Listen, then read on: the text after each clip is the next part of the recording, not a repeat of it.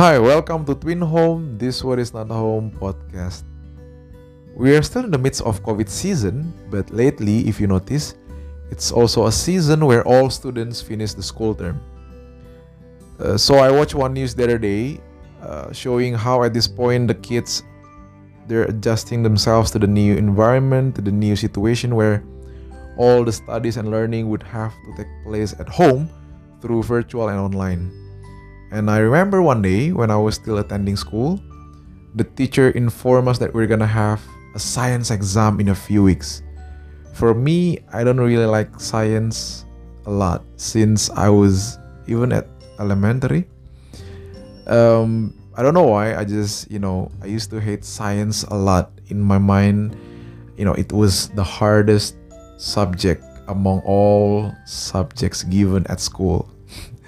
and even, you know, I often receive not a good grade in that. So here we go. When the teacher announced the exam date, I started preparing for it. I studied hard. You know, I just tried my best to memorize everything in the book and to digest all of them and all stuff so that in my mind, you know, I could pass and perhaps get a good result. And that day came, that exam day came, and um, few days after, the teacher distributed all the papers.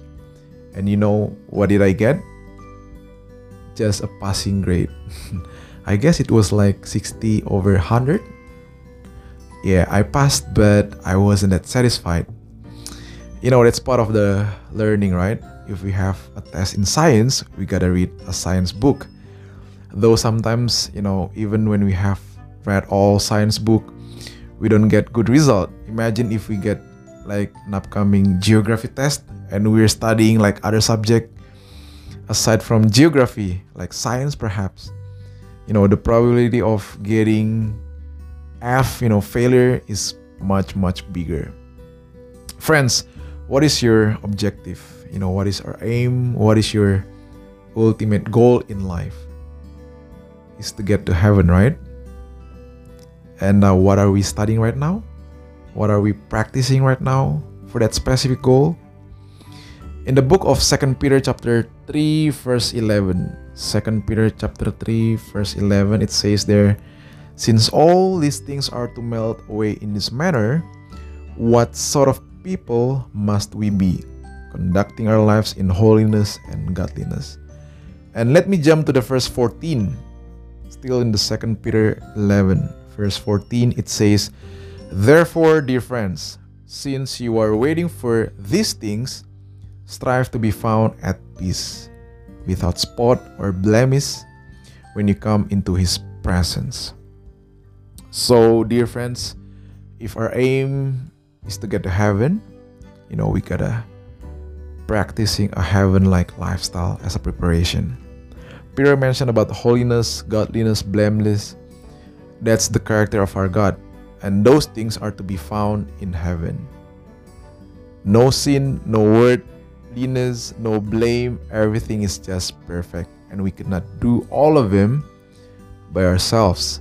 We need to ask for His power, you know, God, you know, His mercy, the Holy Spirit, in order for us to be like Him. So make sure if you want to pass a science exam, get a good grade, you study science, right? not everything else like geography or math because you would fail. Same thing like if your ultimate goal is to get to heaven you gotta ask god for the right preparation. You need him for you to start practicing a heavenly lifestyle here even though we're still in this world. So um, let's keep our eyes on the prize i guess cheers and have a blessed day, friends.